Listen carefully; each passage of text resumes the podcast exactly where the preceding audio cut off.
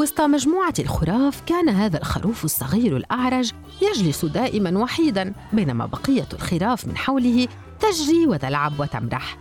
اقتربت منه البقرة العجوز العطوف وهمست في أذنه.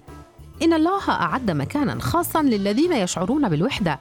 هناك يكون هو معهم يرعاهم بالحب والحنان. وذات يوم كان على الراعي أن يأخذ الخراف إلى واد غني بالعشب الوفير.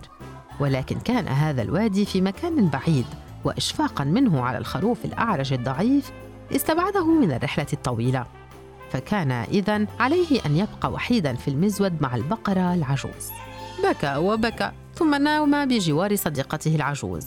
وفجأة استيقظ كلاهما على صوت ضوضاء خافتة انفتحت أعينهما على مشهد عجيب إذ هناك في أحد أركان المزود سيدة صغيرة جميلة بجوارها طفل رضيع مضجع على كومة قش دافئ.